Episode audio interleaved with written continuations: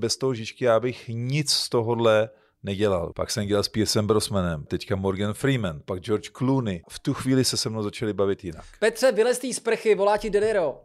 Za jak dlouho by si dokázal sehnat číslo na Spidermana? To by bylo pár minut. Ahoj, tady Michael Caine. A já, a, a, je, je, je, děkuji to. A on tak jenom, že jsem ti za, chtěl zavolat kvůli tomuhle. A my jsme začali řvát, jako, a, to není možné, vůbec jsme tomu nechtěli věřit. Ale to byl obrovský propadák, jako lidi na to vůbec nepřišli. Jako s Telem Schweigerem jsme fakt super kamarádi a, a tak dále. Když přijde do Prahy, kam vezmeš na pivo třeba? Tak je opravdu zázrak, že se právě ten Žižka dokončil. Tak můžeme začít? Ne, nemůžeme začít, já bez vela nezačnu. OK, tak uh, můžeme začít. Sponzorem dnešního dílu EasyCastu jsou nikotinové sáčky Velo. No. Uh, čau, já jsem Kuba Kotek, jsem moderátorem podcastu, který se jmenuje EasyCast. Ten podcast teďka nově bude na platformě, která se jmenuje Hero Hero. Jo? A jestli tu platformu znáte, tak vlastně na ní taky můžete být a můžete tam poslouchat taky naše podcasty. Což má výhodu. Což má hodně výhod. Jedna z těch výhod je, že ty díly, ve kterých mluvíme občas i peprně, prostě, poj, vulgárně, tak ty tam máte v celý svý délce. A jakou to má další výhodu? Je tam klid, je to bez cenzury, nejsou tam reklamy, pochopitelně. A přitom tam je všechno, co chcete vidět. A ještě něco? A dřív. Dřív je to tam. Je to tam dřív. Ano, díly, které nejsou na YouTube, jsou dřív na Hero Hero, jsem chtěl říct. Máme prosit? Fakt jo, to se dělá? Na to takhle nefungují, nebo jo? Prosím, mohli byste nám dát odběr na Hero Hero? Zkusíme i verzi, kdy, kdy je neprosím. Vůbec vás o nic neprosím. Klidně si na to Hero Hero nechoďte, já nepotřebuji, aby jste tam šli. Tam budu klidně sám. Ale bude to smutný, když tam budu sám. To jako... To neříkám, protože jsem jedináček. Ne, kecám bráchu, ale nevím, jak to prodat líp. Tak se vidíme na Hero Hero.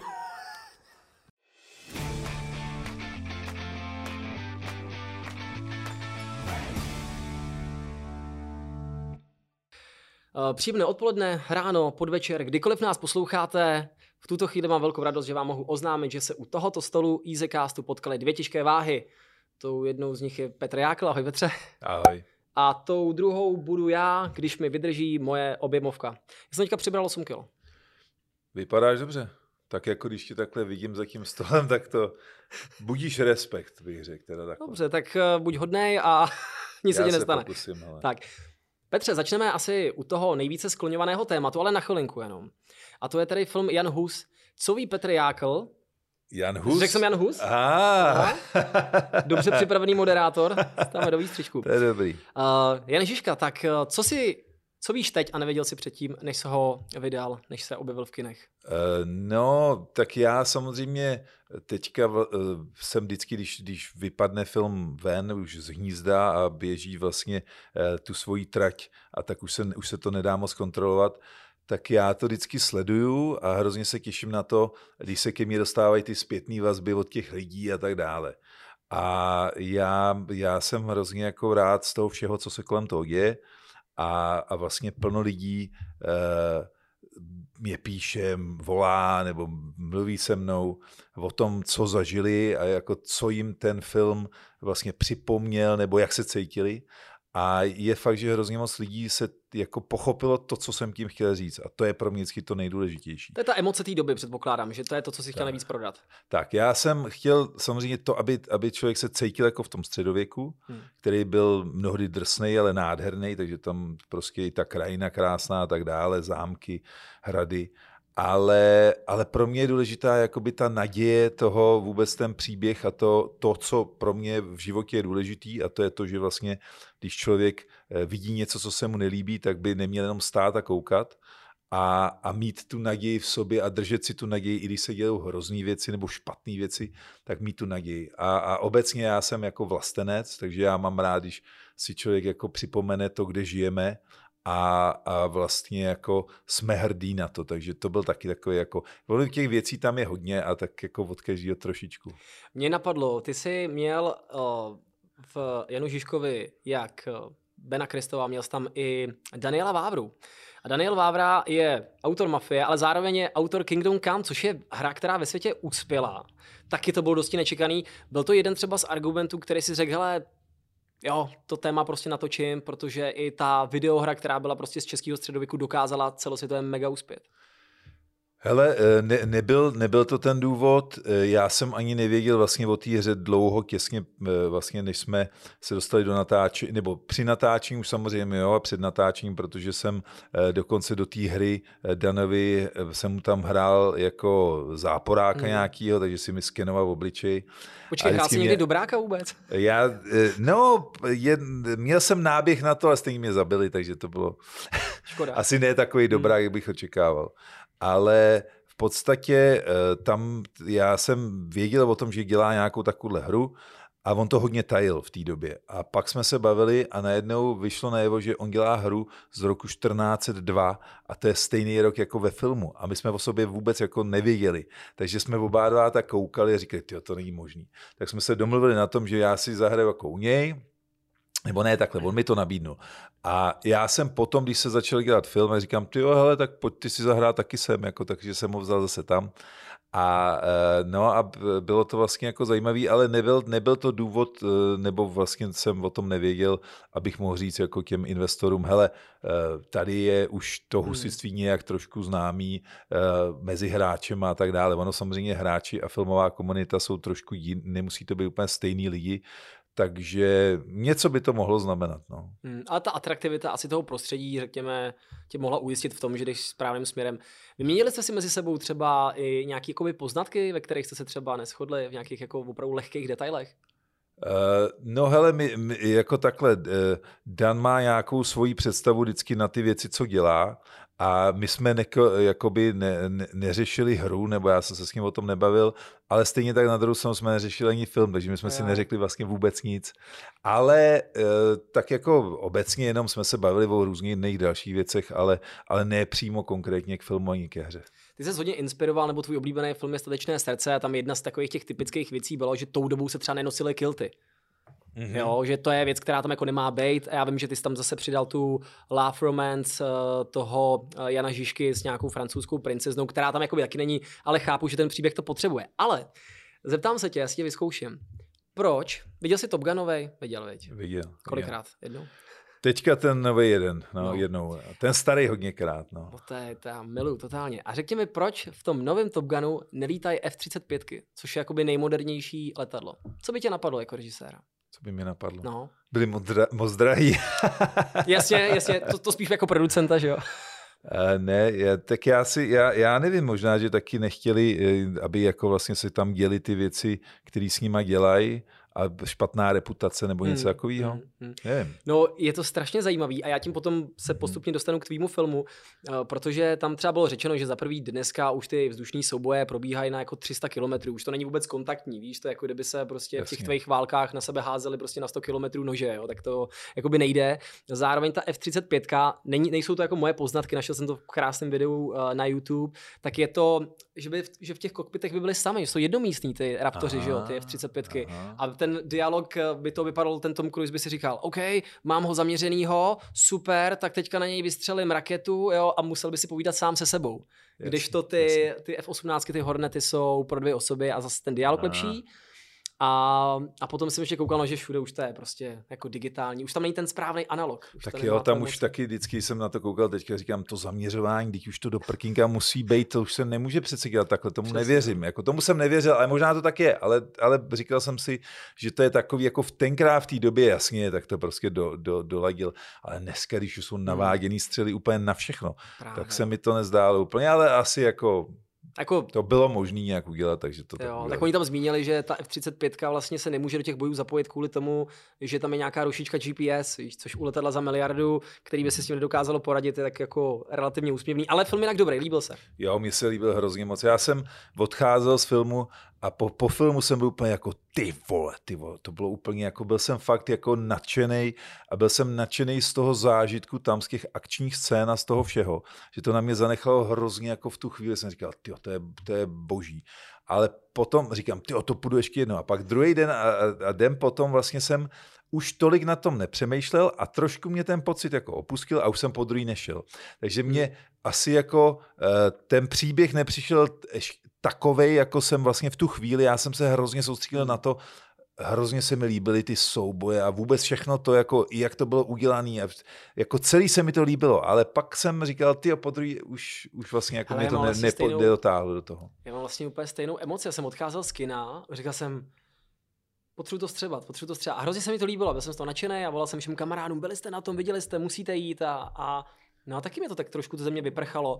A vlastně, když by se mě zeptal na jednu tu super scénu, Čeče, tak nevím. To já taky ne, to já taky možná, ne. Já jo. tak obecně jsem měl, možná to, jak prolítali mezi těma kanionama. Eh, kanionama no. A druhá, napadla by tě?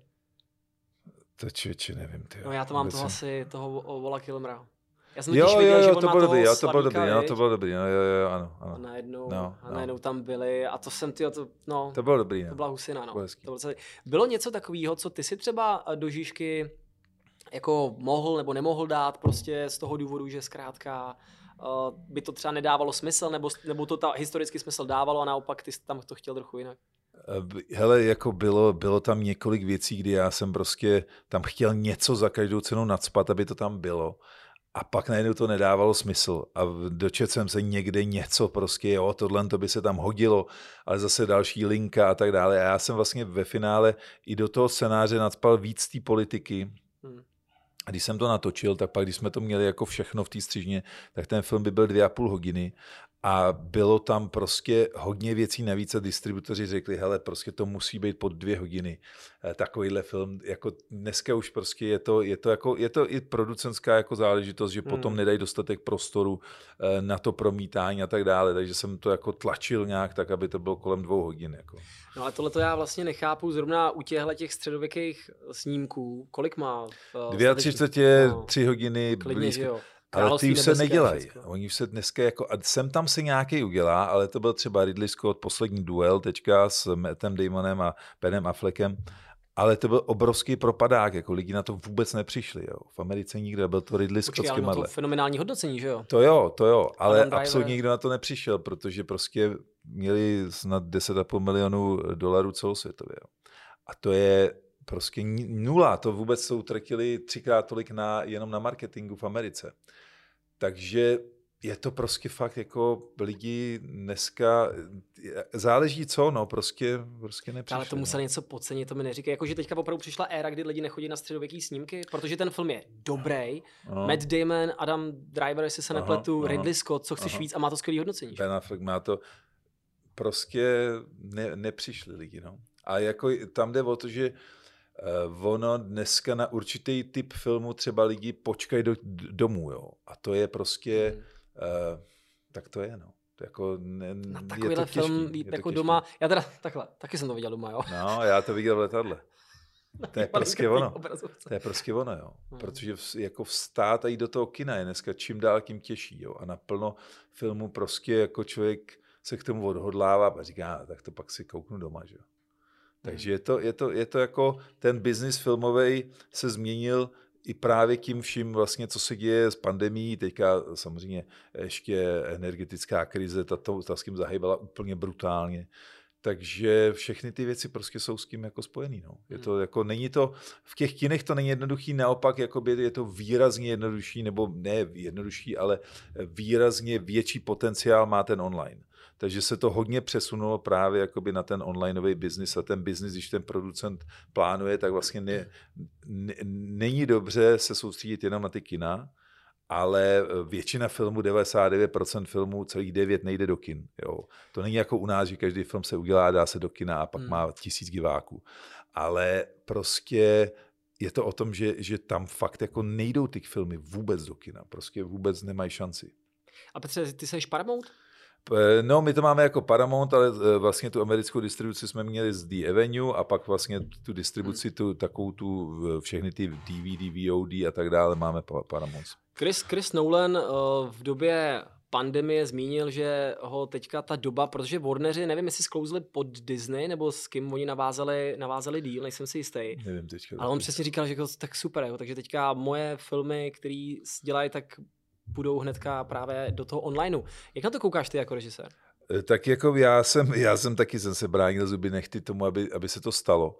Eh, ale je fakt, že jako z producentského hlediska eh, by to bylo jako rychlejší, jistější navrácení peněz a tak dále, hmm. protože samozřejmě, když Netflix třeba chce koupit ten film na celý svět, tak za něj zaplatí a zaplatí na něj tak, že prostě si to člověk na ty peníze šáhne eh, pravděpodobně rychleji, záleží vždycky zase, jak to je udělané. Mm. Ale to já jsem třeba ne, jako prostě vůbec jako nechtěl, neuvažoval jsem o ničem takovým a eh, my jsme prodali celý svět, jo. takže my jsme měli jako fantastický prodeje s tím, že i Netflixu jsme prodali nějaký teritoria, mm. ale Jo, to je takový, takže to, co musíš očurat tou VPNkou?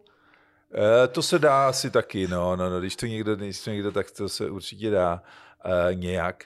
E, já jsem to ještě nezjistil jak, ale každopádně je to o tom, že e, my ty, ty věci vždycky pro mě byly jako, aby to kino prostě, a hlavně tady v Čechách, aby, aby to šlo v kinech, jo. A pak, pak to ostatní jasně super, tak chtěl jsem třeba v Americe, aby to šlo v kinech nějaký, máme Anglii kina, nějaký další Polsko, Maďarsko a tak dále ale je to o tom, že prostě je to rizikový. Je to prostě výrazně rizikovější, hmm. než když člověk jde eh, a, a ví, že prostě ten film udělal za nějakou částku a pak jde, pak jde prostě do, eh, do, eh, na, na ten VOD market a DVDčka a tak dále, který v Americe ještě fungují.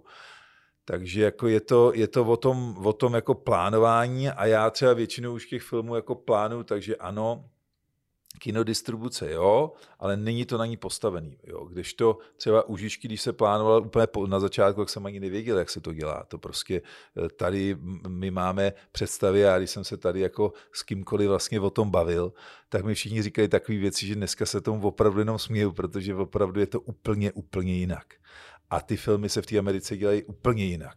Uh, mají jiný financování, jiný ten business plán a, bez toho, ani by, aniž by to člověk tam sám vyzkoušel na vlastní kůži a neprošel si tím distribučním martýriem a všema těma propagacema a tím, co kde je potřeba zaplatit, tak prostě je to jako úplně, prostě pak člověk kouká a tohle ještě musím zaplatit a tamhle to, aha a tady jsem mohl vydělat tohle, ale já jsem to, je to, je to, jako, je to opravdu hrozně moc o tom plánování a, člo, a když ale člověk potom ví, tak se to dá fantasticky vlastně jako předpřipravit a to riziko je pak hrozně malý. A to je vlastně jako to, co já teďka dělám s těma všema ostatníma americkýma filmama, co produkuju, abych to riziko úplně jako skrouhnul na minimum a, a zvlášť i to, když jich pak člověk dělá těch deset třeba, nebo i víc, tak, tak samozřejmě to riziko se strašně snižuje, protože jeden z nich vždycky jako vydělá na všechny ty ostatní, které třeba jsou na nule nebo mírně v plusu nebo takhle. Jasně. Říká se, že vlastně každý čtvrtý film v Hollywoodu vydělá na ty předchozí tři. Že to není tak, že vlastně vydělávají. Že ty. A teďka se bavíme o filmech, které jako jsou už na nějaký úrovni. Nebavíme se o těch, který vlastně si doma dělají za pár set tisíc dolarů. Eh, hmm. Tam to neplatí vůbec. Ty všechny největšinou prodělají ve finále, nebo skoro všechny. Jo. Ty jsi zmínil DVDčka, jo? to je takový zvláštní americký paradox. Jo? V Americe se strašná spousta věcí, já nevím, vymyslela, udělala, prosadila a svět to skopíroval. A mají tam prostě DVDčka. Mě to připomíná, když jsem byl na dovolený na Havaji, tak jsme měli nějaký cestovní problémy a oni, to nám musíte odfaxovat. Jo, jo, jo, v Čechách je fax jo. už jenom v muzeu, to je snad jako jediná věc, ve který vás totálně jako předbíháme. Proč? Máme nějakou jako... Hele, tam je to, tam je to, já jsem se taky hrozně divil, jo. Tam, tam prostě ten DVDčkový trh prostě funguje, eh, jsou z toho na film miliony dolarů, na normální jako střední film, na některý velký jsou desítky milionů dolarů klidně. Ale jde, jde to o to, že prostě ty lidi, tam není Amerika celá taková, že jak, jak si ji představujeme, že jsou to prostě, že, že jsou napřed ve všem, ale pak jsou prostě části Ameriky, které jsou jako vlastně zavostalí. Ty lidi tam nejsou moc ani jako hm, nemají vzdělání, proto je to všechno jako komplikovanější. Takže eh, bavíme se o takových těch lidech, který prostě eh, ty DVDčka furt koupí, protože tam mají ten DVD přehrávač jo, jo. jo, a mnohdy nemají ani internet třeba. Jo. Hmm. Tam je, je, to, je to zvláštní, taky jsem se tomu hodně divil, ale, ale furt to tak funguje. No. Ty jsi zmiňoval... Naštěstí teda, protože to je pro další. Pro, jako, pro, pro všechny. Ano. Ty jsi zmiňoval v nějakém rozhovoru, že vlastně nejseš tolik ve stresu. Když ten film jako vyrábíš. A mě, já jsem říkal, jak je možný, že producent jako není ve stresu, jestli ten film bude nebo nebude mít úspěch, že to jako nechává tomu osudu, to vykopneš a pak už to necháváš tomu osudu. Vážně se nestresuješ, anebo to je tím, co jsi tady teďka popsal, že opravdu minimalizuješ ty rizika s tím, že by to mohl být nějaký. Máš takovou hmotnou odpovědnost?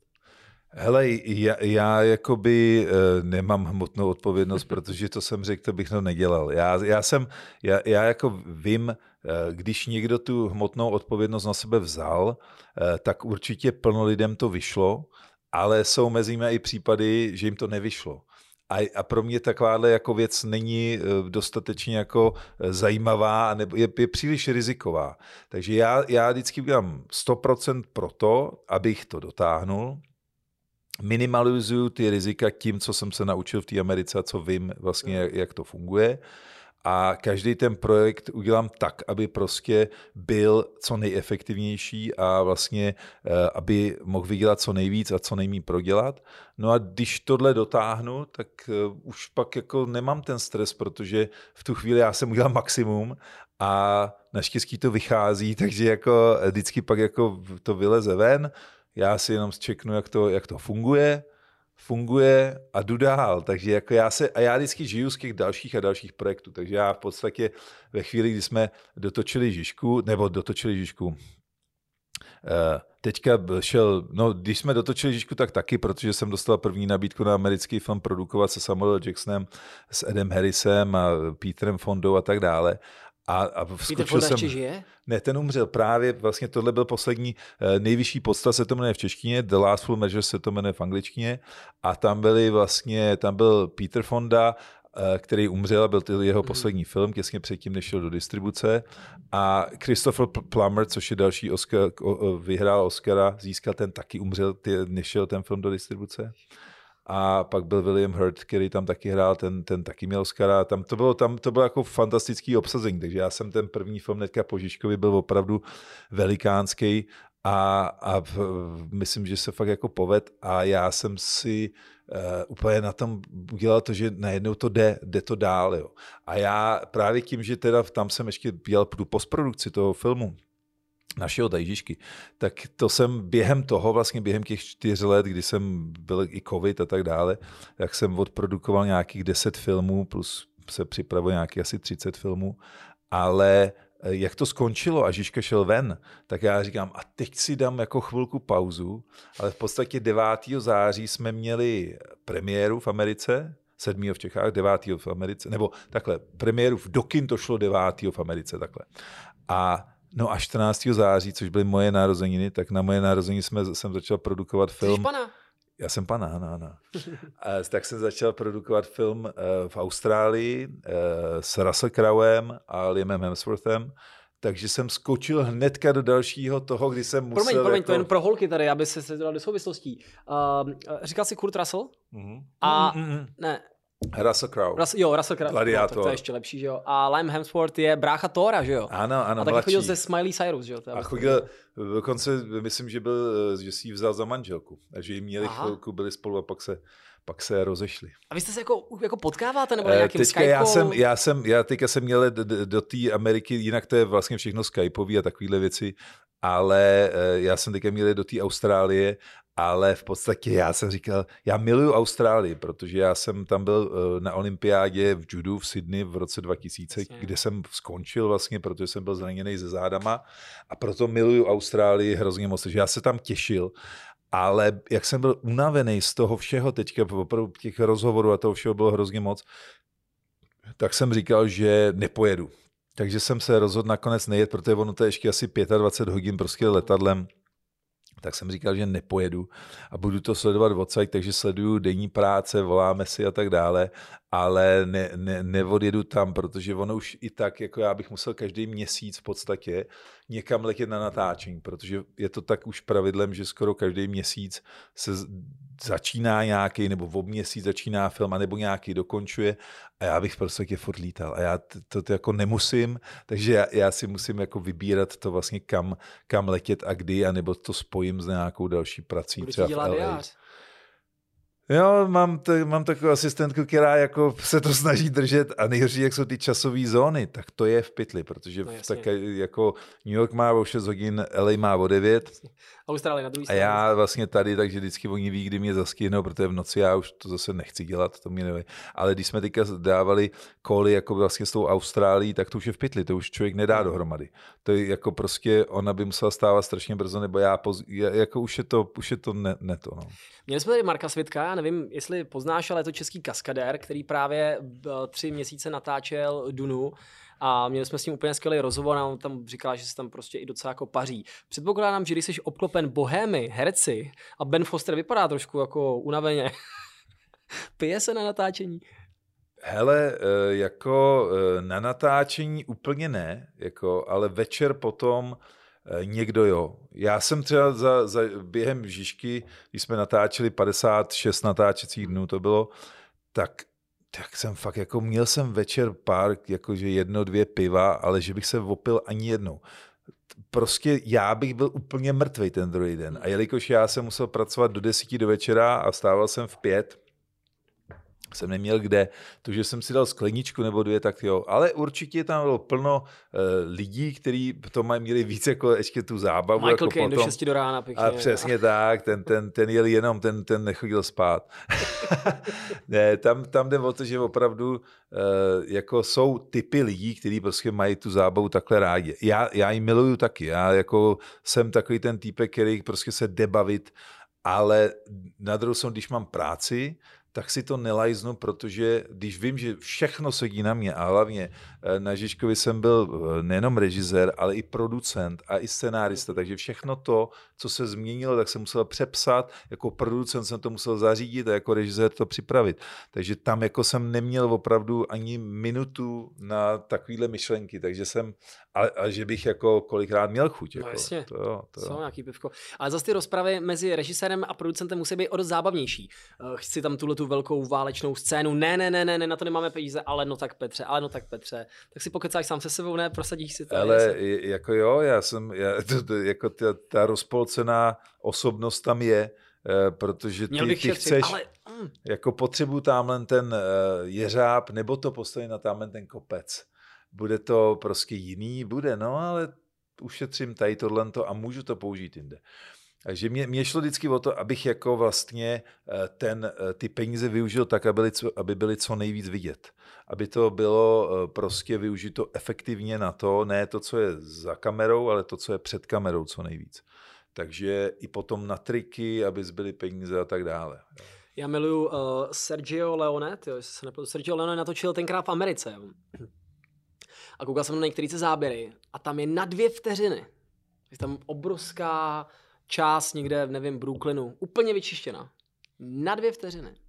Neříkej mi, že třeba se nemůže stát, že zaplatíš 10 mega za nějakou scénu a potom v tom střihu si řekneš, no to je přesně ta politika, mně se to tam vlastně nehodí a potřebuji to dát pod ty dvě hodiny a tohle má 20 minut, tak šmik a 10 milionů, spláchnu to. Hele, je to tak, že vlastně tam, tam byly e, i scény, které prostě byly de- delší vyloženě a víc si povídali o všem.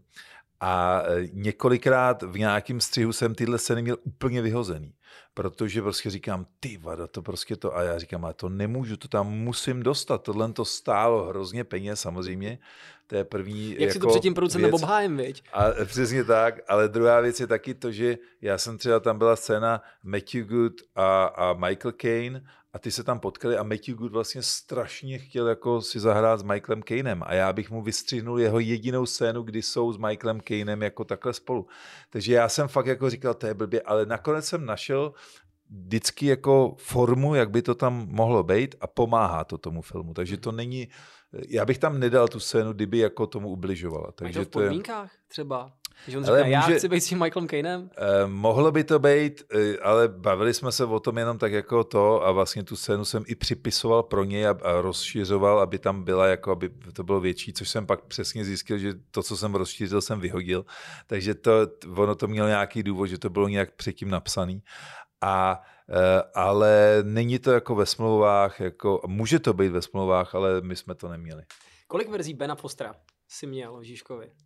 Protože já jsem si říkal, já kdybych byl producent, tak bych byl takový ten vyčuraný producent, že bych to s těma lidma koulil stylem. Já ti to představím. Jako jenom, jo, jo, jo, Ben Foster, Michael Caine, ještě bych je neměl ani oslovený. Říkám, jo, ty projevili asi nějaký zájem, chceme tam toto. A díky té atraktivitě těch men, který ty řekneš, tak ten člověk, který ho taky potřebuje, řekneš, Michael Caine, Ben Foster, no tak to jdu do toho. Ale zároveň musíš mít asi i nějaký zálohy. Jak tohle to reálně funguje? Protože když jsi Petr Jákl a natáčí svůj první jako úplně super velký film mezinárodní, tak se asi blbě začíná, ne?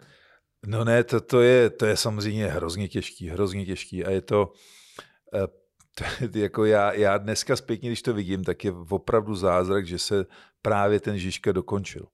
A eh, to, to jsem, eh, já jsem obrovský optimista, takže já jsem věřil, že to se zmákne.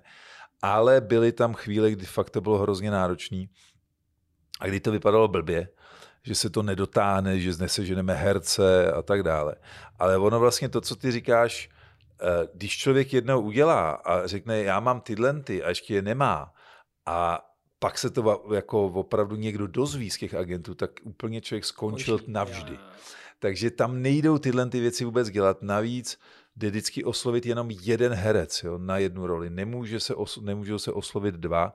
E, za další je potřeba mít toho hlavního a pak ty prvé ty další, takže dokud není hlavní, tak já vlastně jsem nemohl oslovat nikoho dalšího. Hmm. To bylo, hro, to bylo prostě příšerný. Já jsem neměl dva měsíce do natáčení ani jednoho herce. Měl jsem vybraný nějaký menší, ale neměl jsem ani jednoho to byl herce. Ten Ben by tam byl sám prostě. Ten by tam, a ten, až, až když on potom řekl ano, tak pak jsem hnedka oslovil všechny další. Já myslím Bena Kristová, víš? Jo, Bena Kristová, jo takhle. A jsem si říkal, no, ne, tak jasně, eh, eh, Ben by tam byl sám, toho jsem, a to, to, to, to jsem dělal, jeden kumán proti všem, ano. Jednobokej teda bychom museli udělat. Ale uh, tam šlo o to, že vlastně my jsme uh, dělali ten casting s Benem v době, kdy právě jsem ještě neměl další herce a, eh, a já jsem prostě hledal, hledal ty nejlepší typy, které prostě jsou samozřejmě neznámý v Americe, protože to je jako jedno, kdo, kdo to je u nás, to nikoho nezajímá samozřejmě, ale, ale hledal jsem typově, aby se mi hodili na tu dobu a na tohle to, a jelikož jsem hledal jako vlastně kumány, který byli takovýhle, Kočovní, tak jsme prostě udělali, udělali mask, namaskovali jsme ho a hrál skvěle, takže jsem si řekl, že jo. Dobře, přece jenom. Takhle to zní z toho, jak to popisuješ, že všichni herci, kteří v tom filmu jsou, jsou tvoje první volba. Já vím, že to je možná nekorektní prozradit takhle, ale je to skutečně tak, anebo třeba uh, Michael Caine, no tak Michael Caine musel být první volba, že jo, ale že třeba Ben Foster nebyl první volba. Uh, Michael Caine je první volba, přesně, přesně tak. Uh, to už jsem to psal i s kým a to byl zázrak, ale samozřejmě je to o tom, že, že člověk má nějaký seznam lidí, který jako má eh, takový ty hlavní, na který jako chce dosáhnout a pak najednou zjistí, že jeho rozpočet mu nedovoluje 50% z těch lidí oslovit ani. Jo. Takže tam jsem první dostal jako takový to, že aha, tak tyhle ty vůbec nemůžu oslovit. Dobrý. A tak dobře, kdo by a... tam byl, Petře? Kdyby to bylo třeba, tak já ti dám o 500 milionů virtuálních víc, jo? Monopoly, klasika. Eh, no, eh, to, to, to, ne, to nedokážu takhle, takhle říct, protože tam eh, v té chvíli já jsem měl nějaký seznam a pak jsem vlastně oslovil toho, toho agenta, nebo ty, s naším s další producentem, s kterým jsem to dělal v Americe, Cassian Elves, tak jsme prostě někoho oslovili a řekli jsme, kdo je volný v této chvíli. To je další věc. Takže první je, kdy, kdo by to jako rozpočtově, kdo se tam vejde, za druhý, kdy je volný ten člověk, protože trefit se do, do vlastně těchto těch jakoby mezer těch lidí je strašně důležitý. A pak každý z nich má prostě deset stejných projektů na stole. Takže oni se ptají, kdo je producent, kdo to režíruje. A pak si samozřejmě přečtou scénář a musí se jim líbit nejenom ten scénář jako takovej, ale eh, nebejt to něco, co už dělali, protože nikdo nechce dělat jako vlastně to, co už jednou čím prošel. A když někdo dělal středověký film, který byl úspěšný, tak už nechce dělat další. Jo, chce dělat něco jiného. Je to prostě kompli- opravdu jako v- velmi, velmi komplikovaný a najednou se z toho vypadne prostě 75% lidí, který člověk no, na tom jasně. seznamu má. Takže ty si řekneš, mám tady boxerský film ze 30. let, něco, něco, něco, jo, Russell Crowe, jo, sakra, ten už hrál příští válce. Jasně, je to, je to přesně jo. tak, že mhm. ty, ty, je, to, je to něco, eh, co je, co je komplikovaný, ale ve finále já právě, když jsem potom jako vlastně měl ten, ty seznamy a furt jsem to procházel, tak mě ten Ben Foster zaujmul tím, že je vlastně takový jako zvláštní a že má, že má takový, že je vlastně, když uh, nic moc nedělá, tak se na něj dá koukat a furt se tam něco děje. A, a z nějakého důvodu mi přišel, že jako typově mi sedí na to, že takhle bych si představoval Žižku, jako typově. Jo. Hmm. Takže, jsem, takže vlastně to jsme, nakonec se to upeklo a, a je v podstatě pravda to, že díky němu, že, že do toho šel, tak se to mohlo celý udít, protože prostě to bylo to nej, nejkomplikovanější vlastně obsadit toho, Jakože od, něj se to, od něj se to odrazilo. Od něj se to odrazilo, protože on má strašně dobrý jméno v, mezi hercema a i mezi producentama a tak dále, je respektovaný. On není na té špičce a komerční jako herec a takový, že by lidi řekli, na to půjdu do kina kvůli němu. Ale, ale všichni herci jako vlastně ho strašně respektují a říkají, ty s kým si si zahrát. Takže i Michael Caine vlastně, když jsme poptávali Michaela Caina, tak řekl, jo, těším se na jako spolupráci s Benem Fosterem. Má takovýhle přehled stále, protože přece on je v té Jasně, on je, dlouho. Jo, jo, jo, určitě. Ale, ale on samozřejmě nějakým způsobem i ty reference nebo ty věci, které jako provázejí ty herce, tak jako každý má nějakou reputaci, to je další věc, ale, ale jako, Mickey jako Rourke má trošku horší, že jo, třeba. Jo, jo, jo, ten je, ten je, ten je, ten je ten největší rebel, co, co no. prostě je v Hollywoodu, ale fantastický. Ještě říkali v Predator, já si vzpomenu, že jsem byl takový indián, tak ono se taky kolovali hrozný historky. V 84. prostě Predator mm-hmm. se Schwarzeneggerem, tak tam byl teďka, indián. Teďka jsem ho znova viděl. No, no, no. A ten, eh, ten má měl prej strašnou reputaci, že musel mít snad i nějakého bodyguarda, no, aby nemlátil kolegy. No, ten, co umřel na tom, na tom, na té kládě s tím, eh, s tou mačetou. Přesně, jako chtěl pomstít s tím rotačákem, úžasný. Ale jo, jo, to, to, jsou určitě, ale jako nikdo nemá brutálnější pověst než Mickey Rourke, jako ve smyslu toho a on, on vždycky jako spadne úplně na dno a zase hmm. stoupne nahoru a i to vlastně, to je, to je jako, to je velký rebel, jo, to je jako divo, divočák velký. No a tak jako tam, tam, je, tam jsou plno dalších No to, já se chci totiž právě zeptat na to, uh, podívám se, když se podívám na CSFD, nebo i na svoje oblíbené filmy, jak je možné, že Tom Cruise a Leonardo DiCaprio nemají špatné snímky? Uh, no, je to tak, že oni si v podstatě vybírají uh, režiséry, s kterými chtějí pracovat a když je to tak na, například prostě DiCaprio, tak to je furt um, uh, buď to Scorsese, nebo Tarantino. Hmm. Sem tam do toho jako se vloží jako minimálně, ale jen tak jako takže ono je to hrozně moc o tom. Jo. Oni, oni už uh, měli, měli to štěstí na to, že už od začátku jako se je objevil někdo ve větších filmech. Že neprocházeli úplně těma, těma, těma malejma a jakmile to trefili, oni jsou samozřejmě fantastický herci mm. oba dva. A, a Tom Cruise navíc producent fantastický, takže ten vlastně všechny ty věci produkuje teďka. Uh, takže to je, to je opravdu... A poletí do vesmíru, Petře. On je šílený na, na cokoliv, já vím, dá to. já vím. Já si myslím, že to dá, protože tady v Top Gunu, že jo, sám lítal a to prostě je neskutečný. Jo. Takže on jezdí i v Mission Impossible a v těle všech vlastně na těch motorkách, uh, dělá si plno kaskaderských věcí sám a je prostě neskutečný. Viděl jsi to promo teďka na tu sedmičku, jak je tam na tom křídle toho dvojplošníku? Ne, tak to jsem neviděl. Tak on je na křídle dvojplošníku evidentně se tam jako nějak drží, teď tam přiletí k něco, co jako to, a on jen tak jako by mává a zdve lidi na Mission Impossible 7 a ten dvojplošník neudělá mm, a takhle a on furt ještě jede. A já, Víš, to, já, tak já to je Belmondo, že jo? Belmondo, mi, jasně, zvíře. fantastický, ten, ten, ten tohle to dělal taky, že jo? Ten byl, ten byl neuvěřitelný.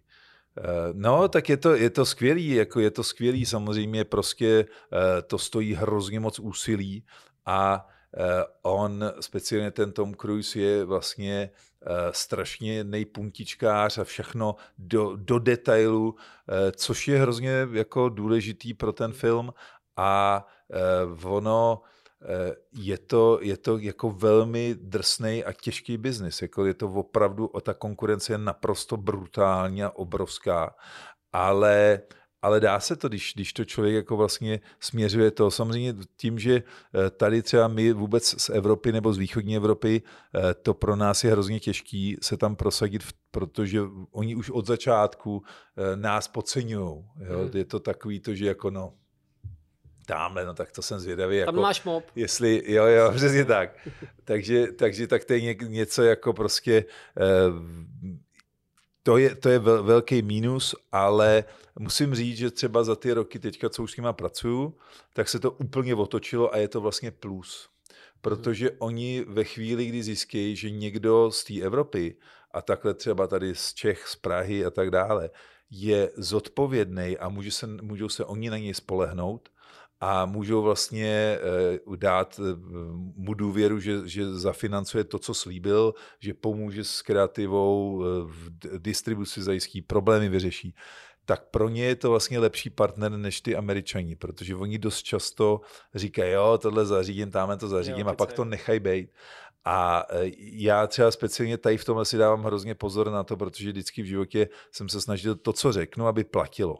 A když se změnila situace, tak jsem stejně vždycky udělal maximum pro to, aby to platilo a hmm. abych já udělal ma- maximum. A to je jako někdy s věcma, jako je pandemie. Když řeknu, že bude film v roce 2020 a mám ho hotovej a je pandemie, tak s tím neudělám nic. Jo? Ale pokud jenom trošku to jde, tak samozřejmě udělám maximum.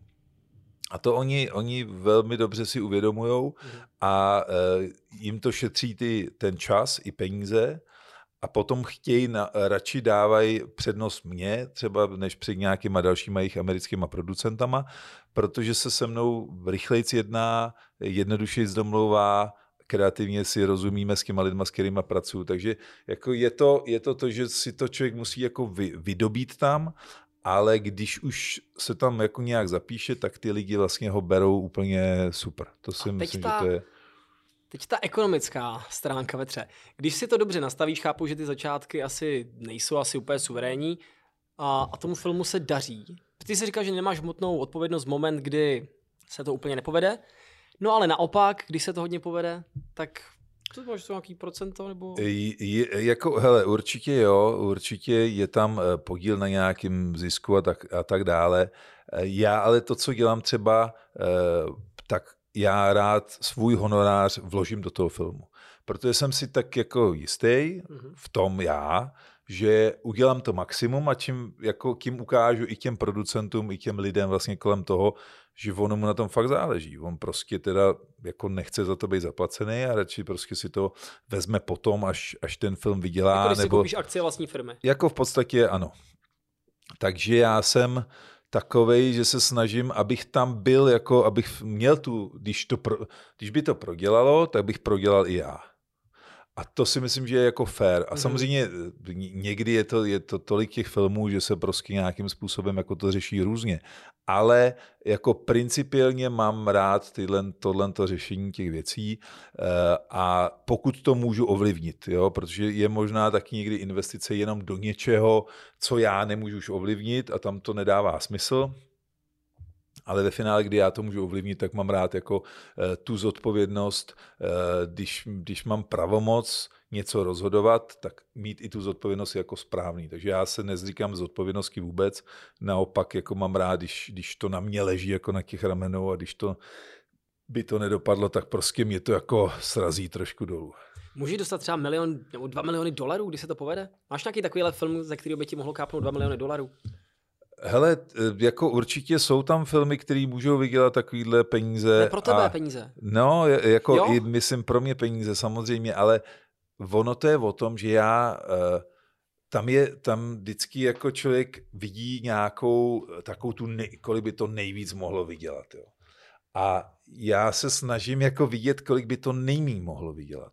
A je to obrácený přístup k tomu, takže já vlastně u všech těch filmů vidím ty v podstatě nejhorší scénáře, kolik nejmín to musí vydělat, i když se všechno podělá, nebo kolik nejvíc to může prodělat, když, to, když jako se to podělá, protože ten úspěch je hrozně jako, může to vylítnout a film, který prostě bude za milion dolarů, vydělá 150.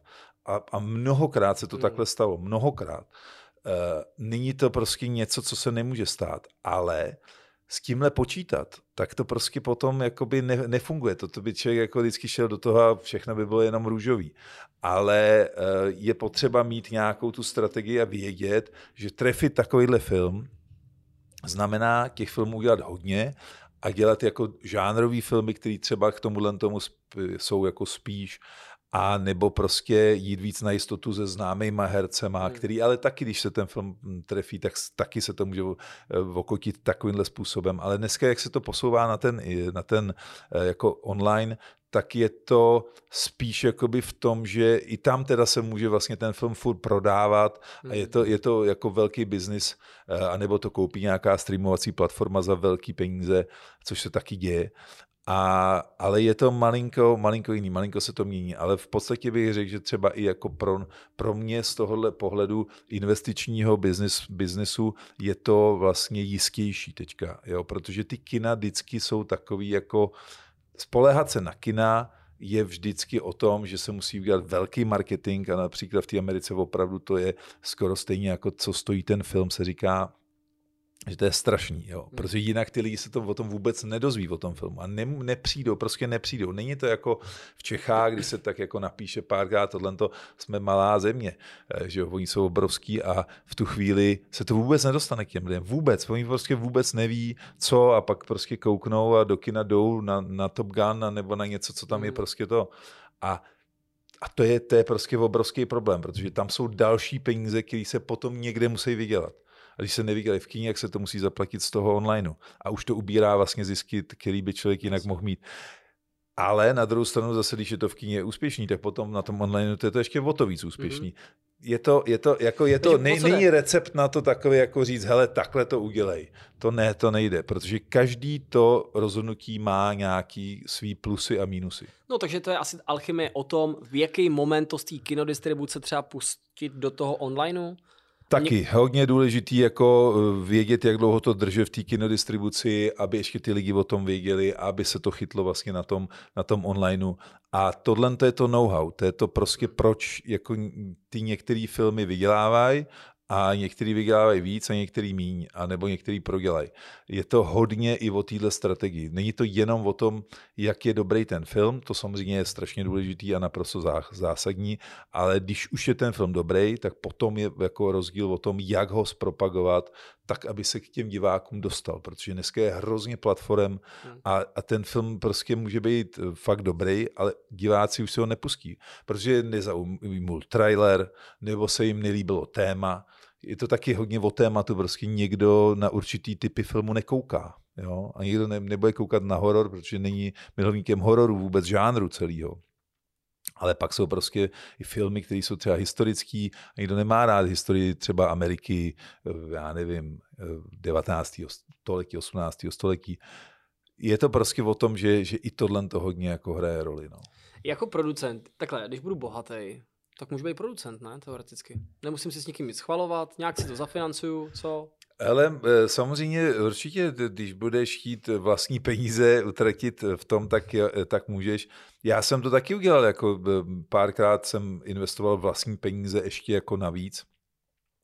A jako je to o tom, když člověk tomu filmu hodně věří, tak tohle udělá. A já jsem s tím vůbec neměl žádný problém a byly to dobrý, dobrý rozhodnutí ale při takhle velkých filmech, když já vlastně každý film, který eh, teďka dělám, eh, nebo tak jsou tam filmy, které jsou přes půl miliardy, miliardy korun a tak hmm. dále a jich deset, tak to prostě tam, co je Už pár milionů rezervě, ne? korun, je tak. Podívám se na spořící. Tak, takže tam jako to nedává úplně smysl, tam je to malinko jiný biznis, ale když si tady člověk chce udělat film za pár milionů a má je, tak si ho udělá No a potom prostě čeká na to, jestli to vydělá nebo nevydělá ale většinou ve chvíli, kdy ten producent nemá ty zkušenosti, tak to většinou prodělá, protože uh, tam je hrozně důležitý, aby to bylo všechno dobře vymyšlený, připravený, pak samozřejmě, aby měl dobrý režiséra, dobrý hmm. tým lidí, a, ale, ale je to i o té přípravě toho všeho. Není to jenom o tom filmu, jako, jak, jak ho udělat.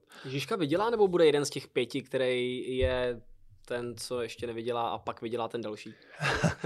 Eh, no je to tak, že vlastně my, my, my máme většinu, eh, asi celý svět skoro eh, předprodaný, takže vím, že už jakoby většina toho se zaplatila. No my jsme EasyCast, takže furt myslím si, že pro ty naše posluchače a diváky ta představa toho, že ty doneseš ty peníze, je taková hrozně abstraktní. Mám si to prostě představit tak, že ty zazvoníš na nějakou firmu nebo na nějakou prostě, uh, řekněme, filmovou společnost, přijdeš tam a řekneš, hele, mám tady na stole tenhle ten film, je tam Michael Caine a chci 100 mega. Uh, je to většinou takhle, ve chvíli, kdy scháním peníze teďka na ty nové filmy, tak jasně, tak většinou už vím, že je tam já nevím, teďka jsme dělali uh, s Denirem, s Malkovičem film. Neznám. Přesně tak, já jsem taky do té doby nevěděl, to je. A přišli za mnou a, a, a teďka pak už jde člověk s tím, že říká někomu, hele, je tady takovýhle film. To se schání poměrně jednoduše. co, Deniro? A, a ono, ono hlavně, já, já jsem měl to obrovský štěstí, že jsem v podstatě hnedka po tom prvním filmu dělal film s Al Pacinem. Takže jsem přišel, byl to zafinancovaný i hned. Pak jsem dělal s Piercem Brosmanem pak právě tyhle ty dva, pak teďka, teďka Morgan Freeman. A prostě to jede v tomhle duchu, pak George Clooney a tak dále. A v tu chvíli je to jako prostě opravdu, jako já to nechci říkat zlehčovat, ale je to jako jednoduchý. E, oproti tomu, když jsem dělal poprvé a, a financoval jsem Žižku, tak to bylo prostě horor, to bylo neuvěřitelný. A vždycky jako se k tomu vracím, že vlastně bez toho Žižky já bych nic z tohohle nedělal vůbec nic, protože až když jsem natočil Žižku, nebo když jsme dokončili natáčení, tak oni všichni jako pochopili, že ty věci dotahuju a v tu chvíli se se mnou začali bavit jinak. Do té doby to bylo furt jenom povídání a bude se tamhle to a bude se natáčet a tohle a máme na to tohle. A nikdo to nebral vážně. Nikdo to nebral vážně, až když se to opravdu natočilo. Takže Žižka mi opravdu otevřel cestu k těm, filmům a e, k tomu všemu, co teďka dělám. A jenom teďka, když jsem vlastně byl v Americe, jak jsem za ten týden, co jsem tam, nebo deset dnů, co jsem tam byl, jsem stal pět nabídek na režii. Já nechci režírovat teďka, protože e, to je pro mě opravdu hrozně náročný e, časově a všechno a chci produkovat věci, ale jenom i k tomu vlastně ten Žižka mi prostě pomohl ve všech směrech neuvěřitelným způsobem. Ale bylo to teda jako eh, masakr toho totánu, takže, takže to fakt jako nebylo jednoduchý. Já si do tebe teďka trochu rýpnu. Ale já, to, já se nedokážu představit. Ty jsi zmiňoval, že jsi tři měsíce byl v úplném jako helu, že jsi skoro nespál a tak podobně. Ale dotáhl si ten film. No, ale třeba takový Ridley Scott. Příští rok natočí kolik filmů? No, tušíš? To nevím. Je mu 84 a příští rok mu vychází, jestli nekecám, třeba 8 filmů. Gladiátora dvojku tam má prostě a spoustu dalších těch. Jo. Já říkám, jak to ten dědek dělá. Je fakt, že vlastně teďka, teďka eh, jak točil eh, ten poslední duel a House of Gucci, to šlo ve stejnou dobu, ale to si myslím, že bylo kvůli tomu, že byla pandemie. Ale naprosto nechápu, jak to dělá. Řekl, nechápu to... to, protože Uh, režírovat pro mě znamená, on samozřejmě je neprodukuje, uh, na to má další lidi, takže on se soustředí jenom na tu jednu věc, což je myslím jako uh, i správně a v, v tom jako pak má člověk víc jako šanci se věnovat tomu svýmu jenom, ale v tomhle věku to nechápu, ale já, já dělám třeba s producentem, který produkoval film, on se jmenuje Mark Damon, a ten, tomu je 86 a produkoval film Nekonečný příběh, což je, já nevím, šíleně, že jo, obrovsky známý film, ale já nevím, kolik let zpátky to je, ale jestli 50 nebo kolik. To ne, ale to 80, 80, 80 no, něco takového možná, ne, nevím přesně, ale, ale v podstatě mi to přišlo jako, že to je úplně že takhle starý film. A pak ale i z Rudu, z Charlie Theron a tak dále. A on taky několik filmů za rok produkuje. Jo. A v tomhle věku neuvěřitelný. V Cannes se s ním potkal na festivalu a on tam měl asi sedm filmů. Já jsem říkal, jak tohle to dělá. Ale bo, jako to produkování ještě chápu, že víc těch filmů, protože já jich mám teďka opravdu taky hodně, eh, tak to dá se to zvládat, ale režírování to vůbec nechápu, že jich tolik může jako dělat. Ale nemyslím si teda, že jich eh, bude mít 8 a že jich režíruje 8 najednou. Ono to je announcovaný jako, že to bude, ale, jo, jasně, ale jasně. bude to v dalších pěti letech, jestli vůbec. Jako jo. Ale mít jako na stole, víš, prostě na stole mít tolik těch projektů, a zavázat se k tomu je neuvěřitelné. V tomhle věku to je pro mě úplně Je to mazec. Je to, a tak jeho to, jeho to musí hrozně bavit a já musím říct, že pro mě to taky e, není práce, pro mě je to fakt zábava. A je to, je to to, že vždycky mě to hrozně nabíjí, každá ta další věc. Ale je pravda, že potom teďka, jak už je těch věcí hodně, tak je samozřejmě i hodně problémů, protože na každém filmu je nějaký problém. A tady třeba ty jsi zmiňoval uh, zastřelení někoho, mm. což teda je úplný extrém, ale i to je ten, to je jako největší samozřejmě, co už jako je, je myslím, se nestává opravdu. Ale, ale pak je plno dalších problémů, jako že, že najednou jsme museli odvést soukromým letadlem Denira z Portorika, kde se natáčel, protože byl covid. Eh, a najednou to je, to lítá, tam prostě to jsou šílený peníze navíc.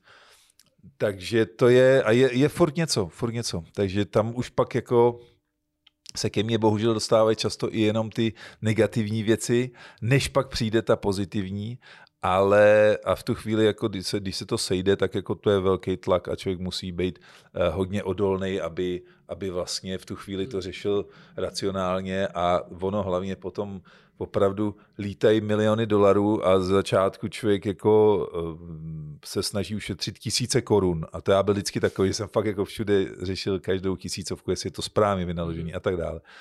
A teďka prostě tady lítají takovýhle peníze, ale jako nezbývá nic jiného, než jako se trošku jako od toho odprostit a říci jasně, ale musí se to prostě nějakým způsobem manažovat v tom, jak oni říkají amici, big picture, což znamená prostě takový ten vel, jako nadhled na to všechno. Jo? Vidět tu, to, že se celá ta věc musí dotlačit, jestli tady jsou 50 tisíc, 100 tisíc dolarů, někdo prostě třeba eh, rozfrcal nějakým způsobem, který je úplně zbytečný, holce to stalo, tak to pak nějak to pořešíme. Jo? No ale ty máš výhodu, ne? Ty, když, jo, prostě jo, přijde, když, přijde, že... když přijde Petr Jákl dveřma a chce řešit prostě, kdo špatně utratil peníze, tak to asi... Jo, bohužel v tom onlineovém světě se ta výhoda trošku smazává, ale je, je fakt, že vždycky, když se pak potkáme s kýmkoliv, s kým většinou se s nima vidím poprvé v tom online světě, protože já jsem většinou tady v Čechách a vždycky jednou za dva měsíce tam třeba odjedu na deset, na deset dnů nebo jednou za, za čtvrt roku, tak potom, když mě vidí, tak si koukají, říkají, ty jo, ty jsi takhle obrovský, to, jsem, to si nevypadal na té obrazovce. Petře, stalo se ti někdy tak jako doma, víš, musíš řešit trochu jiný problémy, nebo spíš zábavy, než řešíme my, že ti třeba manželka řekne, Petře, vylez z sprchy, volá ti Deniro. nebo někdo takový. Hele, tohle to je, to je jako vtipný. Já jsem eh, takhle byl na chatě a uh, prostě hrozně jsem řešil Žižku a nebyl jsem schopen, uh, jako jsem furt řešil, kdo to teda vezme a tak dále. A najednou mi zavolá hla, neznámý číslo, tak to zvednu a tam prostě říká, ahoj, tady Michael Kane a já jsem málem upad, já jsem nebyl schopen mluvit a e, říkám, to nějaký forek, ale on měl tak jako ten hlas, že toho člověk fakt jako pozná. A já jsem říkal, a on, máš krásný scénář a hrozně se těším, až spolu budeme natáčet. A to je vlastně v podstatě všechno, co mi řekne, nebo co já si pamatuju. A já, a, a, je, je, je, děkuji to. A on tak jenom, že jsem ti za, chtěl zavolat kvůli tomuhle. On Položil sám. to on, on sám. sám. To je absolutně, to se absolutně nestává. Vždycky volají, a to teďka volají vždycky agenti, manažeři. Nikdy nevolá herec.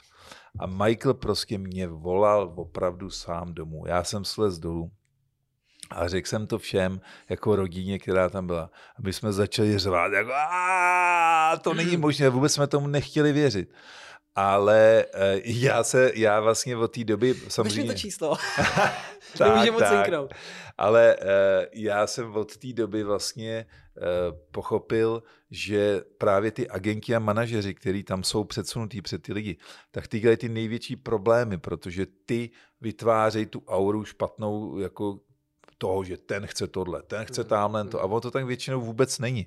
A já, já vlastně eh, s těma agentama, manažerama jsem nejvíc v kontaktu, protože oni musí tyhle ty lidi vykazovat taky jako nějakou práci a je pravda, že každý tyhle ty herce by vlastně otravoval, takže já se s hercema potkávám na natáčeních, při zkouškách nebo už tak, ale, ale snažím se jako respektovat ten jejich prostor a jsem tam s někým vlastně se s kamarádím víc a samozřejmě jako, hmm. jako režisér třeba, eh, já nevím, jsem opravdu se skamarádil se všema těma hercama, ale s někým víc, jako s Tylem Schweigerem jsme fakt super kamarádi a, a tak dále. Takže to je... Schweiger, přátelé, je prosím vás ten, co v Hanebných panchartech tam eh, mastil ty, ty, ty nácky.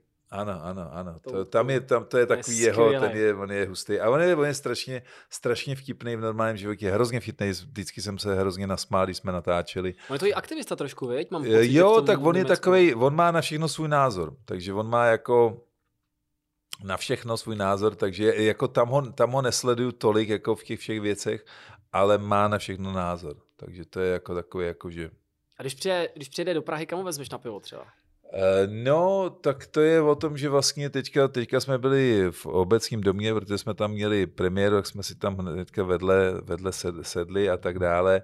A eh, to je, to je o tom, že bohužel toho času je tak málo, že my si spíš voláme, nebo si necháváme takový ty eh, hlasové zprávy, protože on je někde natáčí, on má barák v LA, ale na Marlorce a, a v, v Německu, takže si necháváme ty zprávy a zjistili jsme, že to je nejlepší jako vlastně to, že si pokecá, nebo si to pustí, kdy chce, to je natáčí, on taky režíruje, produkuje, takže to je jako, prostě ten svět tady v tomhle je jako, je to pak jednodušší, každý, já taky ty, tohle to mám rád. Jakože...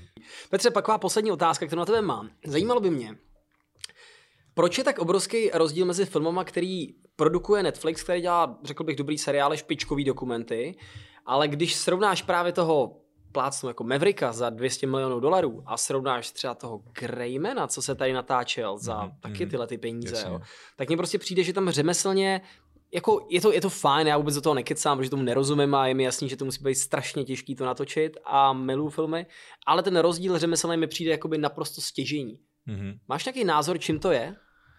Uh, já, já to vnímám taky takhle. Je to, je to o tom, že uh, v podstatě dost často záleží na tom scénáři a pokud ho vybere například Netflix a chce dělat s někým, tak Netflix jako většinou eh, ty eh, nebo t- takovýhle platformy, ty lidi musí zaplatit víc než klasický film, protože oni vlastně eh, i ty herci všichni chtějí furt ještě ty filmy dělat, jako ty, ty, ty myslím teďka ty, co jdou do kina, takový ty jako ty klasický.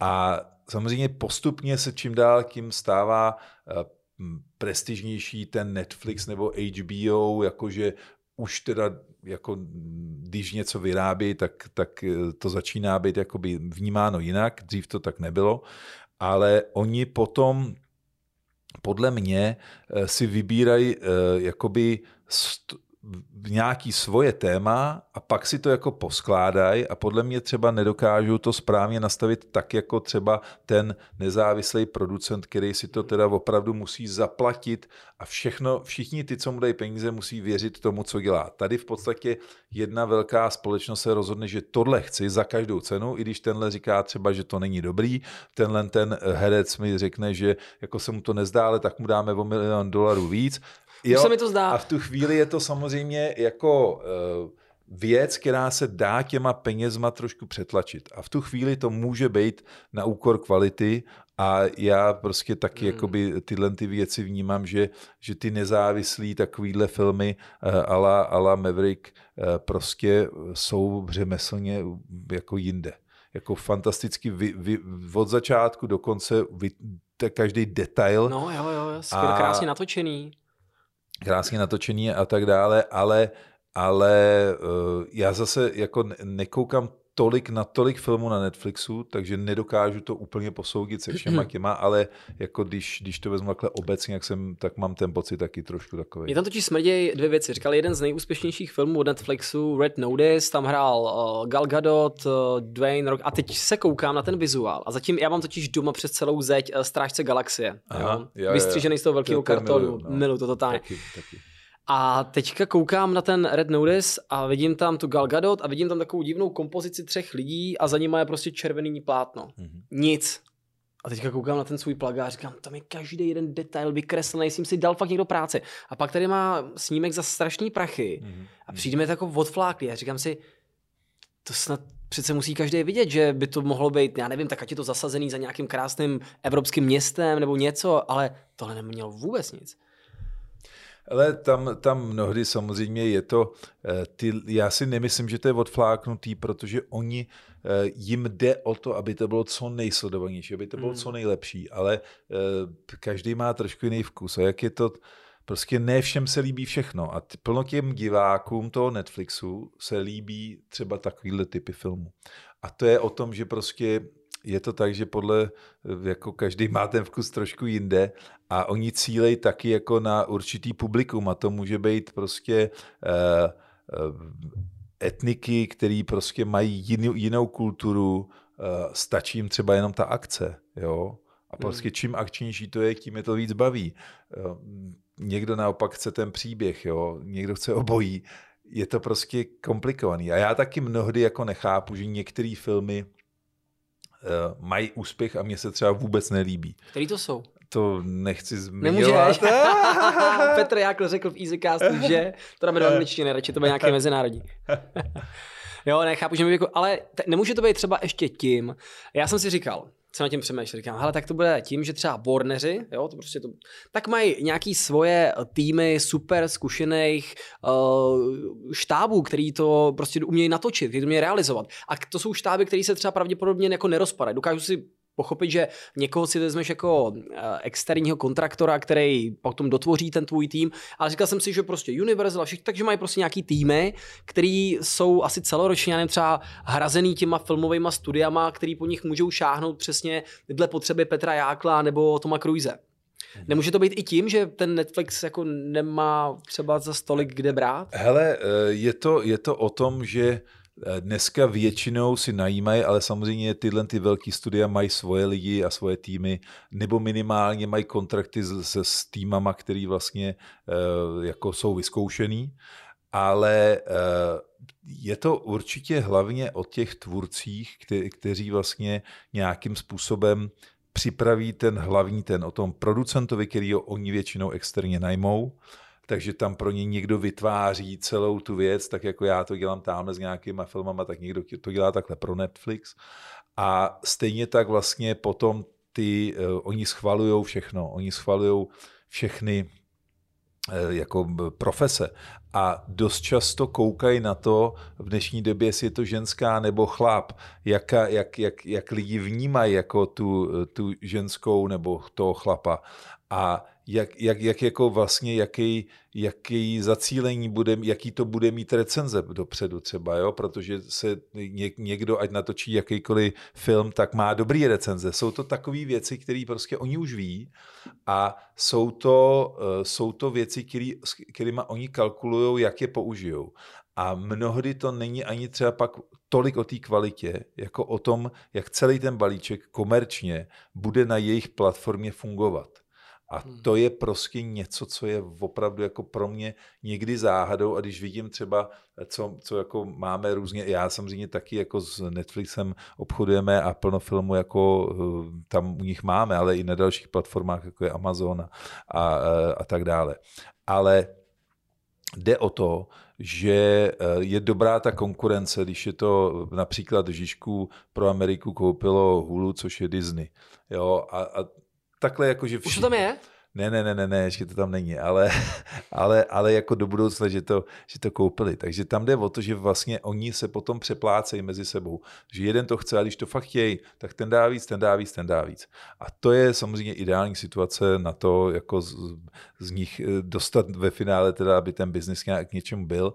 Ale když oni vyrábějí ty věci, oni dost často vlastně sklouznou k tomu, že eh, je to o té komerčnosti toho projektu jako takového, aby prostě ho dokázali dobře prodat těm lidem a ty lidi klikli na to, že se na to kouknou. A to je prostě to, no. A tam pak samozřejmě jako eh, je otázka. Některé věci prostě i se dělají pokračování a já jsem je třeba nedokoukal. Eh, Jaký? Na tom v Netflixu. Taky nemůžeš říct. Jo, ale tak jako, hele, jako můžu třeba Old Guard se mi nelíbilo. Na Netflixu to, to byla ne. Charlie Theron mm-hmm. a, eh, a ne, vlastně jsem to nedokoukal, protože mě to přestalo bavit a říkal jsem, ty prostě já nevím. A už se točí další, jako jo. A nevím, prostě, ale to je zase o tom, že já mám nějaký, nějaký očekávání od filmu a jde o to, že prostě potom uh, někdo jiný čeká úplně něco jiného. A já, já věřím tomu, že oni by to pokračování nedělali, kdyby ten film u nich na té platformě nebyl úspěšný. Ale u nich. To neznamená, že by ten film byl úspěšný mimo jejich platformu.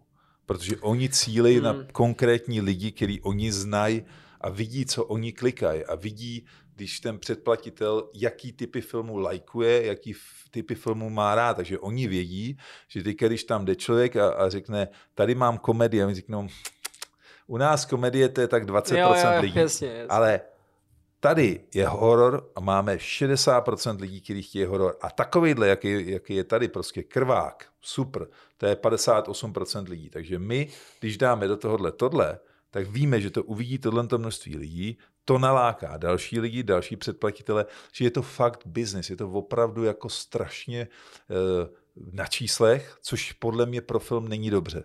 Hmm. Ale tak to funguje. A jako mají to vymyslený hlavně jako business, že to funguje a, ale, ale je to mnohdy prostě ta logika v tom, jako co dělají a co nedělají, pro mě tam taková není. A já jako producent bych se vlastně jako to takhle, takhle ty věci neřešil. Takže to je, ale je, je to opravdu jiný, než pracovat pro jako gigant, který si může dovolit zaplatit cokoliv v podstatě, a než mít pak jako samostatně jako tvůrčí skupiny eh, na projektech, který mají nějaký rozpočet a nesmí ho překročit a prostě v podstatě jako, eh, aby byl ten projekt potom prodatelný komukoliv a vydělal. Tak je to jiný přístup trošku, jako bych řekl. Sice by to mělo být stejný, ale uh, oni za sebou mají někoho, kdo ještě jako jim říká, co můžou a co nemůžou.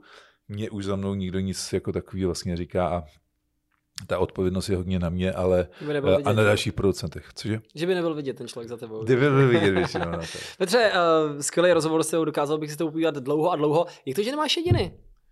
Uh, nevím, ale začínají mě vousy šedivět trošku, jo, pozor. No, to ještě no, jde, no, na to, jak jako stresující ne, povolání jsi, jsi vybral, tak mi to přijde dobrý. A co doma? Ne. Dobrý, mám teďka dvě v, jako vlastně puberťačky, 11 a 14, takže to je zajímavý. Ale dobrý, jako dobrý. Musím říct, že to tak jako se to vždycky ve vlnách jako e, mění a, a je, to, je, to, je to fajn, je to fajn. A, a hlavně teďka já, já jsem říkal vlastně po Žižkovi, to bylo i hodně teďka eh, všech možných rozhovorů a všeho, tak jsem říkal, že s nima jako musím strávit víc času, takže se ale já jsem s nima vždycky vodek, že od té doby, co byli malí, tak všechny víkendy jsem trávil s nima a furt jsem vlastně byl doma, takže to jako určitě eh, ne, není to tak, že bych furt někde lítal, když to takhle jako působí, ale působí, já, vlastně no. si to, já vlastně si to vždycky dělal po nocech teda většinou dřív a teďka už jsem řekl, ty noci už si chci i vyspat, takže jsem začal jako eh, to hodně delegovat na lidi, takže já kolem sebe mám jako strašně moc lidí, kteří dělají tu práci za mě, což je, což je dobrý. A já si jako jako já si řeším jenom ty hlavní věci, takže jinak by se tohle nedalo hmm. samozřejmě vůbec stíhat. Jako. Zase doma to musí být fajn s těma mladýma holkama, přeci jenom i kdyby tě třeba nějakou dobu neviděli, tak ty řekneš tomu prostě lájmoj, Hemsworthe, prostě pojď mi tady hodit nějaký storíčko, ne? Jo, jo, jo, ale to mají maj, maj pár takových jako lidí, eh, s kterými říká, musíš, musíš s nima pracovat, s těma a, eh, takže to mám jako mám nařízeno pár takových jako filmů s někým udělat. Selena takže... Gomez se bude muset vrátit. Jo, jo, jo, jo, jo, jo. A Spider-Man, že jo, Tom Holland to takový. Tom Holland je ale výborný. Jo, jo. Ten je dobrý. No, je, je, je, tam několik herců, který samozřejmě, ono, eh, to je, to je o tom, že plno i takových jako projektů je a já jsem, já se, já samozřejmě tady, ty, ty herci, s kterými dělám, tak jsou, tak jsou uh, fantastický a vždycky jako je potřeba jenom najít tu správnou roli pro ně, takže i mnohdy tyhle ty jejich herci už jako u nás nějakým způsobem byli zaháčkovaní a pak se to celý přestrukturalizovalo a já už jsem mi říkal, hele, děláme s kýmhle. Je, je, je a pak se to jako změnilo, protože ta mladá generace má trošku jiný. Teďka ten Liam Hemsworth, ten už je jako v těch ranku, to, jsou, to je... No počkej, za by si dokázal sehnat číslo na Spidermana? Eh, no to jako, to jeho osobní by bylo asi hodně komplikovaný. No jeho, tak... jeho agenta, jo, to by bylo pár minut. Fakticky pár minut. To jo, to... A co bys udělal jako první, komu bys si zavolal? Eh, jako komu... Eh, no kde je, kde je ten člověk, že prostě my to tak máme třeba v rádiu, říkám, prosím tě, Vojtu Kotka, nemáš číslo? Já nevím, jo, to, a teď jo, jo. nějak to takhle vybavíme, víš co? Ten můj parťák, s kterým, s kterým mám uh, jako development fond, kde developujeme ty věci, ten, ten je uh, bývalý agent CIA, což je největší jo, agentura. A takže on, takže on jako, ne, ne CIA, CAA. No já s tom angličtinou, ale, ale, ale eh, je, to, je, to, je to vlastně jako, jako to. A pak samozřejmě eh, znám prostě několik těch eh, manažerů, agentů, který tyhle ty lidi zastupují a když zastupuje, když zastupuje prostě nějaký tyhle velký herce, tak jenom prostě zjistím, koho ještě, kdo, kdo z mhm, nich, mm-hmm. z těch, s kterými děláme, má toho Toma Holanda, protože to bude mít jeden z těch, s kterými děláme tyhle věci. Takže, a když ne, tak to bude dobrý kamarád jeho, takže tam tohle to je to, ale, ale jako na, na herce v podstatě eh, to už je pak jedině, až když ten herec, když se s ním natáčím a řekne, hele, teď dávám to, zavolej mi. Ale mhm. jinak se, jinak ty agenti eh, tohle strašně jako hlídají, hlídaj, jo, ale ale je pravda, že s některýma hercema si píšu napřímo, ale je to, jako nechtějí to, oni to, ne ty herci, ty, těm hercům to nevadí, ale vadí to těm agentům. Jsou přísní. No Které se obchází jako a mnohdy se mi stalo, že se na mě i naštvali, protože jsem vlastně něco domluvil s tím hercem, co oni nechtěli. A co hmm. mi řekli, že nechtějí a já jsem si to přesto domluvil. Ale pak jako to je těžký, takže to, to je lepší nedělat. To je paráda, ale můžeš se třeba vyměnit Kejna za Holanda, ne? Víš, prostě jenom. Jo, ale jo, já ti dám, já ti dám, já ti dám Kejna, ne? Jo, jo, jo, tak, tak nějaký takovýhle trade jako by mohl fungovat. To super, jo. super. Petr Jákl, dámy a pánové, velkou radost, že Petr přijal naše pozvání, i když jsme malí, ale rostomilý podcast, tak eh, Petře moc děkuji, že dáváš prostor i, i nám eh, menším a věříme, že se brzy potkáme v nějaký hollywoodský produkci, až mi zavoláš číslo na mě vlastně nemáš. Ne, to nemám. To, to, to má moje manažerka. To tam na to manažerku bych se zeptal. Na, manaž, na manažerku si vezmu. Ale já taky děkuju, jako bylo to milý, pokecali jsme o všem možným, dalo by se kecat hodně dlouho ale, ale já už taky musím. Obávám se, že jsem nestihl, že jsem nestihl tu hodinu, Petře. to Vypadá to právě, na to taky koukám. Tak se omluv doma, já když tak, eh, já, eh, nevím, já napíšu nějaký zkaz nebo něco takového milého. Nebo zítra v rádiu vám dám písničku, vám pošlu. Tak, pošli, pošli mi písničku. Tak super. Tak jo, domluveno.